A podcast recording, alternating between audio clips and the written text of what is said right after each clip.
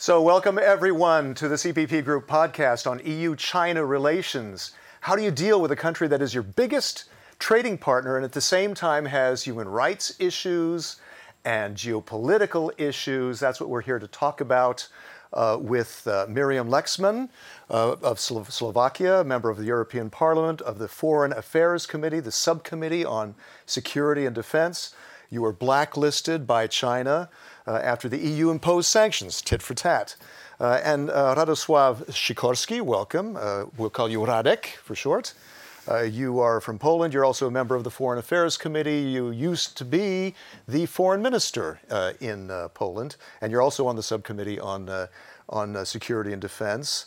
And you're author of the new EPP Group strategy paper on uh, China. And joining us uh, from Berlin is Noah Barkin, a visiting fellow at the German Marshall Fund, a highly respected think tank, and the managing director of, managing editor, sorry, at uh, Rhodium Group. Uh, that is an independent research provider working with leading think tanks and universities in Europe, Asia, and the US. Um, let's start with a few facts. Uh, as we mentioned, that China is the main trading partner for the EU. There's a new investment agreement to lower, ter- to lower barriers for investment. Uh, that is yet to be approved by the European Parliament. Uh, it's also a strategic partner for the EU in certain aspects for fighting climate change, uh, for the global tran- transition to renewable energy. So, you know, there's, there's, you might say, yin and yang here, uh, but there are human rights issues involving uh, the Uyghur in Xinjiang, uh, in Tibet, in Hong Kong.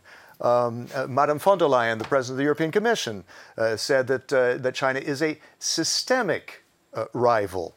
Um, and then we talk about these sanctions against uh, Beijing, the EU, and also the US, the UK, and China imposed sanctions uh, over uh, their uh, over China's treatment of the Uyghur. Uh, in Xinjiang. Um, and uh, those, uh, those sanctions by the Chinese were not only, of course, um, against Miriam, but against four other members of the European Parliament. So, a lot to talk about here. We're trying to cover as much ground as we can. Miriam, you were criticized by the uh, Chinese Foreign Ministry, uh, among the others, as uh, severely harming China's sovereignty and interests and maliciously spreading lies and disinformation. What kind of lies and disinformation are you spreading? Well, I have to say that these sanctions against me came as a surprise, and especially the language China has used, because I'm in politics literally one year. I joined the European Parliament in February last year. So, how can I create such a big danger for such a big country, an influential country? I, I'm not sure. But of course, I have been a critic of the Chinese Communist Party as, as someone who comes from an ex-communist country, the mm. former Czechoslovak communist country. Uh, I think I can read maybe naturally because I come also from a distant family, so I, I could read the, some of the steps of the Chinese Communist Party, mm. and I was surprised that the West did not deal with China as a communist regime, but we kind of fell into the trap that we started to deal with China as our partner, uh, mainly as our, our economic partner. Right. And I have been a big critic of the human rights situation, the Chinese international aggressive, uh, more and more so aggressive. Uh, behavior. I have been a critic of the human rights situation in mainland China, in Hong Kong, mm. and also the way how China is breaching international treaties and international deals. Right. So I'm also a co- co-chair of the Interparliamentary Alliance on China, and as well as a co co-chair um, and co-author or co-founder of, uh, of uh, informal European Parliament's cross-party group, uh, Hong Kong Watch Group. So maybe so more, more, more reasons for you to, uh, to, to, get yourself into trouble in this case. Um, yes, but this a, brought me into trouble. Yeah. Right, in a, in, in, in, a, in a good way, actually. Um, uh, let me turn to uh, Noah. Uh, Noah, uh, you um, were quoted recently, or you quoted recently one of German, Germany's officials as saying, We slapped them on the fingers, the Chinese, and they punched us in the face. Did China punch Europe in the face, according to you? Well, that's certainly how people here in Berlin are seeing it. But I think what's interesting is that we've had uh, European capitals in de escalation mode since uh, these sanctions were imposed on European lawmakers, also on European academics, European research institutions. Um, so I think that is that that has been a bit surprising to me. Perhaps it shouldn't have been. Uh, you know, we saw uh, German Chancellor Angela Merkel speaking with uh, Xi Jinping um, uh, last week. They did a call with Emmanuel Macron uh, this uh, just in recent days. And in the readouts of those calls, there's been no mention of the sanctions, which I found uh, hmm. quite astonishing. Although I guess maybe that, that the communication lines are still open is, is, is a positive thing, no? Well, it's certainly uh, important to continue to, to talk with China. Um, but I, I, think European governments certainly need to stand up and, and condemn uh, this. Mm what was really a disproportionate, sort of asymmetric response to the EU's decision to impose travel bans and asset freezes on four uh, Chinese officials tied to uh, the uh, abuses in Xinjiang. So this is yeah. really a disproportionate response, and European governments need to to, to speak up and, and defend uh, their lawmakers and, and their academics. Mm-hmm. Um, well, let me turn to, to Radek, and uh, your the report that you uh, authored uh, last month, uh, you say at the uh, in in this report, you say cooperate where possible, compete where needed, confront where necessary. Are we in that third stage of confrontation? I mean, not military, but we are facing off, right? In some narrow areas. Um, uh, look, China is a very important country that uh, has a history of much worse repressions in the past. During the Cultural Revolution, during the Great Leap Forward, tens of millions of people died. Yeah. And it's also uh, the relationship is a product of our failed bet. Uh, in the early 1990s, we bet that if China uh, becomes wealthier, if we admit China into the World Trade Organization, they'll become more democratic. we give it uh, uh, the status of a, a market economy, mm. they would liberalize at least in the economic sphere. Mm-hmm. And maybe one day also in the political sphere. Yeah. That this hasn't happened. Mm. So this is a product of, I'm afraid, our failure. Um, and I think also of Chinese mistakes. I think it's a mistake to sanction uh, European uh, lawmakers because it makes the passage of the uh, investment agreement less likely. Yeah. Mm. because people are saying, uh, well, look, why is China playing hardball, as we've heard? Yeah. And it is China that has dropped the Deng Xiaoping policy of build your strength and play for time. Mm and adopted quite openly right. the wolf warrior diplomacy of Xi Jinping. Um, so China has become more aggressive, which I think is a mistake because it is creating ill will towards China around the world and is forcing countries into an, an, an alliance um, of countries that are now afraid of China. Now let's let's talk about this investment agreement. This uh, it's called the Comprehensive Agreement on Investment with China. It is still subject to approval by the European Parliament. Uh, it, it, allows greater access to Chinese markets by European businesses. That's what the, the European businesses were demanding for so long, right? And but, what the Commission tells us is yeah. that it comes to the level of the of the stage one U.S. Uh, agreement with China. So we're okay. just we're just doing catch up. It's a it, yeah. So, but it's an important step. Um, uh, but but what's your thought on this? I mean, should the European Parliament jettison this, or is this, are we are we shooting ourselves economically in the foot by not approving it? First of all, I'm told the text is not ready. Uh, what happened at the end of the German presidency was a political agreement to try to get it ready, mm. but it is not yet. And of course, we will examine it very carefully. There are provisions there that encourage China to. Uh, join and si- sign up to the International Labour Organization conventions against forced labor. Mm-hmm. That will be uh, examined in great detail. Okay, so uh, it's the jury's still out. In other words, and I guess I guess same thing with Miriam. I mean, you're on China's blacklist. Are you ready to vote for this this uh, investment agreement that would benefit uh, a lot of businesses, right? I think it would be a great mistake if the parliament will close eyes again. I mean, about the sanctions and mm. rat- ratify or kind of scrutinize and ratify the, the the, the treaty while having members of the parliament sanctions. I, I think this this should not happen because we need to react to these sanctions. It's not only the members, but mm. also it's, it's the full uh, human rights subcommittee which is sanctioned. So I think that this is a big step uh, from China vis-à-vis us, and I don't think we should continue with the uh, with the ratification, but while having sanctioned members and a subcommittee. Mm. But you, you, mentioned the economic interest, and Radek already mentioned uh, the human rights issue, where we demand that there, at least China will sign up for the ILO uh, convention. International because Labor we believe, yes, because we believe that this is the, I mean, there is a potential to improve human rights, at least from the sector of the labor labor rights. And if we don't fulfill, that means that we are morally failing. I don't oh. think we can admit to to, to say that, okay, if the wording in the, in the document, and as Radek said, we still don't have the final wording, if the wording is saying only that China should get closer to the standards, to ILO standards, I don't think I can vote for it okay. because I know that China will not.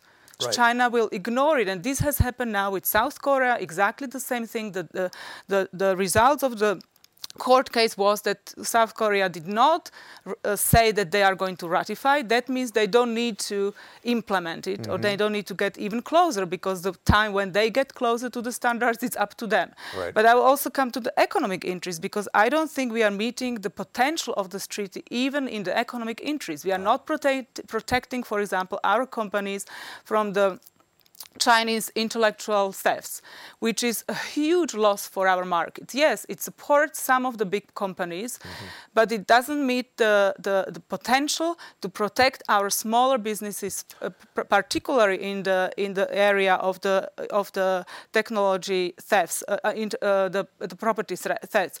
And in the U.S., the calculations is that the losses through the Chinese uh, intellectual property thefts are from 200 to 600 billion billion a year. So you're saying you're saying though that you're not outright saying no, that you won't vote for it, uh, and and Radek as well. I think both of you are saying that if there are improvements, if there are changes, that maybe you might, right? Yeah, if if there if we are going to meet the potential of the treaty. Mm because there are potentials in terms of human rights, in terms of economic improvements. Yeah. And if the treaty will meet the potentials, I am ready to vote for it, but I don't think it will because from what we hear already now, yeah. it doesn't seem like. Well, no, Noah, let me ask you um, now, con- considering the, the economic crisis that, that Europe is facing, can we afford to, to jettison this uh, investment agreement?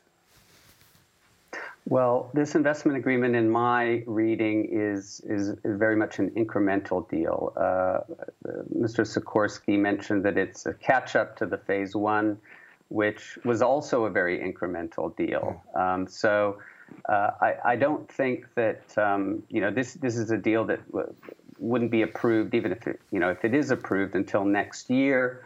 Um, it, it's going to take quite a while for uh, European companies to actually benefit from what is in this deal. And there are many, many of the uh, market access uh, gains uh, that are, you know, there are caveats, and, and, and many of them are, um, they're sort of embedding uh, promises that China made over the past years into a, into an agreement. So so this is not a big leap forward. It's it's a, a you know baby step uh, okay. and, and, I don't think that if this deal doesn't happen, that, that it'll be big negative for the European ah, no, economy. No great loss. Uh, so you're not arguing that that we should we should accept it now as is as a tiny step and then go for a better deal later? No. Well, I, I, what I'm saying is it's an incremental deal, and I think uh, I would agree that uh, I don't have the insight into the European Parliament's thinking that uh, hmm. our other guests have, but uh, it, it, it's just hard for me to imagine that a deal uh, that following the, the, imposition of sanctions on European lawmakers mm. who hmm. have to approve this deal, that they would then approve it. Okay, well, let's let's zoom out a bit, Radek, and and let's look at, at EU policy toward China in general. I mean, you said it's outdated. What do you mean by that? Well, China used to be a um, populous but very poor country. Yeah. And 20 or 30 years ago, our sanctions would have been uh, uh, effective because uh, it was China that was seeking access to our markets. Mm-hmm. Today, China is one of the three largest economies on earth, to, together with us and the United States, and is an emerging, emerging superpower. Mm-hmm. So we no longer can have merely a trade policy towards China. This has to be a mature policy towards a country that has a sense of itself as returning to a position of, of great influence in the world. Mm-hmm. And there are some serious dangers out there. Uh, uh, for example, that the organizing principle of the rest of the first half of this century will be a Sino American uh, rivalry uh, for who is number one in the world. Mm. And as Europeans, we will be torn on this because, on the one hand, we need to continue to trade with China, yeah. and on the other hand, the United States is our close ally. Right. Um, so we need to have policies that will moderate uh, that relationship out there. And and uh, and that we have to find way, common ground within the EU itself because there are divisions within the EU in, in the approach toward China, right? Well, there are some I, countries I that are a bit Chi- more friendly to China than others, right? China is the, ki- the, is, is the kind of issue on which I think every European country has to realize it's mm. a small country. Mm-hmm. You know, Poland is the size of a Chinese city you have never heard of, and Germany is the size of one province. Of course, as individual countries, we have no hope of influencing. Yes, collectively, you need only mm. as the European Union can be an equal partner with China. Okay, Miriam, how do you see it yourself? Similar or? I, I see similarly. What I think what we need to do is to kind of re, rethink our strategy vis-a-vis China. What we are doing, but what is important is that we should not have, no longer have our economic policy vis-a-vis China, our human rights policy vis-a-vis China, our security policy vis-a-vis China, because it won't work. We have to bring all these compartmentalized policies into one very coherent strategy. Mm. And this strategy, I believe, because Radek said that we don't want to appear in a situation that uh, China and US are kind of rivals, and we have to choose, or we, we need to see what we what is our place. Yeah. I think our partner is the US. Our partners are democratic part of the world, and we have to coordinate with them uh, we, we, have, uh, we have to coordinate, I say, with them our policy vis-a-vis ch- China. Of course, we can have independent policies, mm. but, but the policies should somehow be coordinated, be discussed. We need to learn from each other, take, uh, take examples. For example, I mean, we, we were discussing the, the CAI before. What, what happened is that Australia has an economic deal with, with China. China doesn't play according to the deal. So we yeah. have to be ready. We have to learn that to have a deal doesn't mean that China is acting according to the deal. Yeah. So I think this is very important is that we have to have one policy where we are not uh, uh, kind of uh, compromising on our values and our human rights policy because of our economic interests, because this will turn against us. The, right. the policy should be one, and the, the, policy should be based on our values and should be coordinated with our allies. Um, yeah, let, let, me, Noah, let me ask you, what, what, what is your take on this? And, and, and considering that for the EU to act, at least on the, on, the, uh, on the council level, it has to be unanimous on these things. Like, for instance, uh, the scrapping the extra, suspending the extradition treaties. There are some countries that are standing in the way of doing that. I mean, I'm reading today about Hungary, for instance, uh, uh, not being uh, positive on that. Um, how do you see this? How can Europe actually uh, reorient its its policy uh, when it, it, it's held up by that kind of thing? Well, I think it starts with the big countries like uh, Germany and, and France. Uh, I think one of the problems, although German Chancellor Angela Merkel has talked about the need for a common European policy on China, is that uh, Germany has not really been willing to pay an economic price for uh, a, a, tougher uh, policy towards China. Um, you know, there's this 17 plus 1 forum, which includes Poland, um, and uh, that that is criticized a lot here in in Berlin. Uh, but you know, Berlin is pursuing its own agenda as well, and I don't think um, Germany or France have really done enough to sort of bring European countries together uh, behind a, a, more realistic uh, policy, which which does not compartmentalize in the way that we're seeing in Europe now uh, pretending that you can do business on Monday and you mm. uh, impose sanctions on human rights sanctions on Tuesday. It, it's very difficult to uh, uh, to keep that juggling act going, I think, and will be more difficult with the with the, the Biden administration putting pressure on Europe.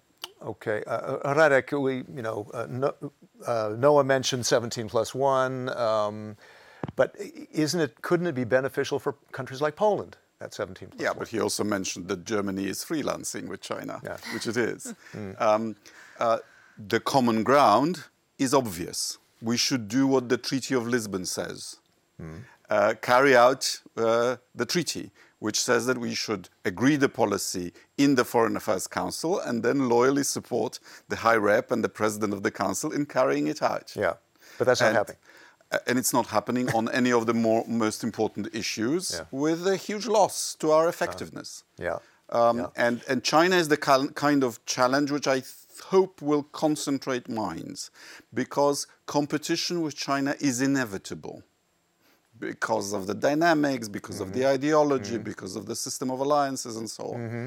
The point is to manage the competition in such a way so as not to lose the trade and so uh, as not to boil uh, allow it to boil over. Because it's the last thing we should wish. Uh, the 17 plus 1, I, I should explain. It's uh, two months ago, China held a virtual 17 plus 1 meeting with Eastern and Southern European countries. Um, and, and, and this is what we're talking about here is uh, to, to, to what extent are those countries perhaps um, doing their own dealings with China and maybe undermining European policy? What about some of the, the, the candidate countries like, like Montenegro, uh, which is, uh, is, has a 1 billion euro um, road loan from China? Um, and, and some could see that as debt diplomacy, uh, putting, putting, uh, turning up the screws on countries like Montenegro. Montenegro how, much are you concerned about this? Fell in the same trap as, uh, as Sri Lanka before. Mm. And I think as allies, we need to uh, uh, exchange information, collab- coordinate, and um, and warn allies uh, that uh, there are some consequences. Warn them, but the EU said we're not going to bail you guys out. Well, warn and bail out is not the same thing. right, that's true. But um, look, uh, uh, smaller countries in Central and Eastern Europe feel that you know, China is not going to pay attention individually to them. Mm.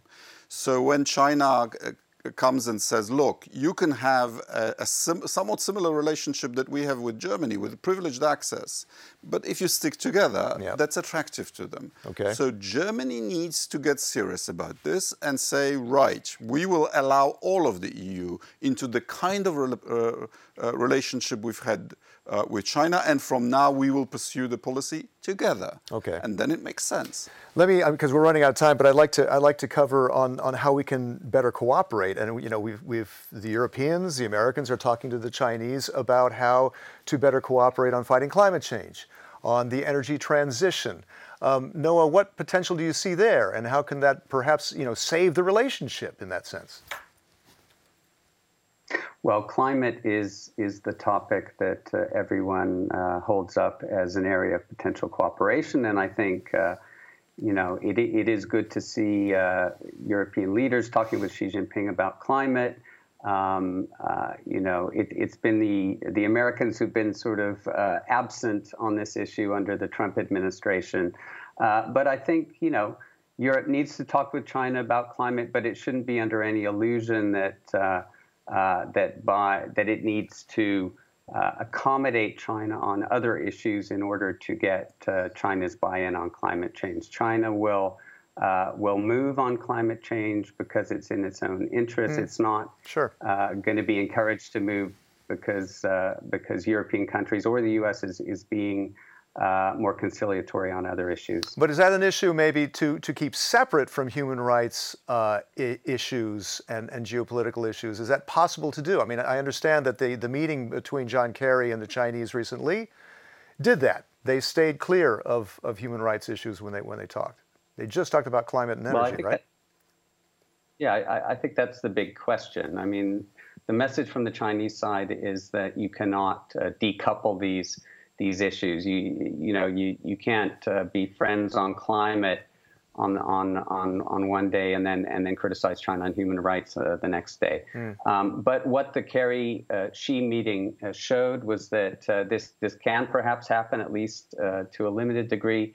Uh, and, and we're going to see, you know, in the build up to COP26, the climate summit later this year, if, uh, if China moves, if China sort of puts some meat on the bones of its uh, uh um, CO2 reduction uh, goals, uh, I think that's a big question. If Europe yeah. and the US can work together on this, that's all the better. Okay. Miriam, how do you see that yourself? I, I, I believe that as, uh, as, it was mentioned, that uh, China, it's in China's interest to change its uh, attitude towards climate change and, and start to be more green and, and make a more green production because it knows that yeah. that uh, it will be difficult to cooperate economically furthermore if mm. they are not going to meet the, the ecological standards. On the other hand, uh, I believe that uh, now uh, we have to, as I said, that we have to coordinate better on the pressure. I believe that we need to stick to our values. We should not say that, okay, I mean, if China makes a move in terms of green uh, standards, we are going to be more silent on human rights. I mean, it, right. it, it doesn't work like this. I believe that yeah. we really have to be principled because we have burned our fin- fingers, as Radek already mentioned. We already we started in the 90s where we believe that our economic cooperation with China will change the other issues, will make mm-hmm. China more more free, more democratic, uh, meet human rights standards. We already know for years that this is not working, and we were silent because we, we had economic gains on we believe. Now we are losing out economically too, and we should not any longer uh, allow us to, to, to be in the trap that we are going to push for something because we believe a potential there and we kind of hide the other mm. uh, values. We have yeah. to be principled in every step, and that will, I think, that only will bring revenues. I'd like to, I'd like to end this with a, a closing thought, um, if anyone would like to, to, mention, to comment on it. But uh, uh Sun Tzu, The Art of War, the, the, who wrote The Art of War, the Chinese book, said, The supreme art of war is to subdue the enemy without fighting. How do you see Chinese foreign policy and European foreign policy in that regard, Radek? That's a tough question, and I, this, I'm popping this on you just like that. Uh, and the, Chinese game of Go, unlike chess, is not about taking the king, it's about creating advantages and then persuading your adversary that it's in his interest to yield. Uh, we do need to uh, study Chinese culture. This is going to be a, um, mm, a, a, a century um, long um, challenge. Uh, we need, we should not censor ourselves. Right. Uh, but we should treat China with respect. This is a, a, large country with a rich history that has not said the last word yet. Maybe a last word um, from Noah. Your thoughts on that? Well, I think uh, Europe does need to rethink its China policy. I think it. I would agree uh, with uh, Mr. Sikorski that uh, uh, Europe doesn't understand China well enough. That it needs to invest in uh, in getting to know China better. It's very hard when many people are asking themselves whether they can travel to China these days, that makes it much more difficult. These sanctions make it more difficult. But certainly, Europe needs to invest in understanding China in order to uh, in order to respond to China in a, in a joined up, concerted way. Noah, thank you so much. Thank you to Miriam as well, uh, and to Radek. Thank you. It was really great. Thanks for, to all of you for uh, watching uh, or listening in uh, to the EPP Group podcast, and we'll see you next time.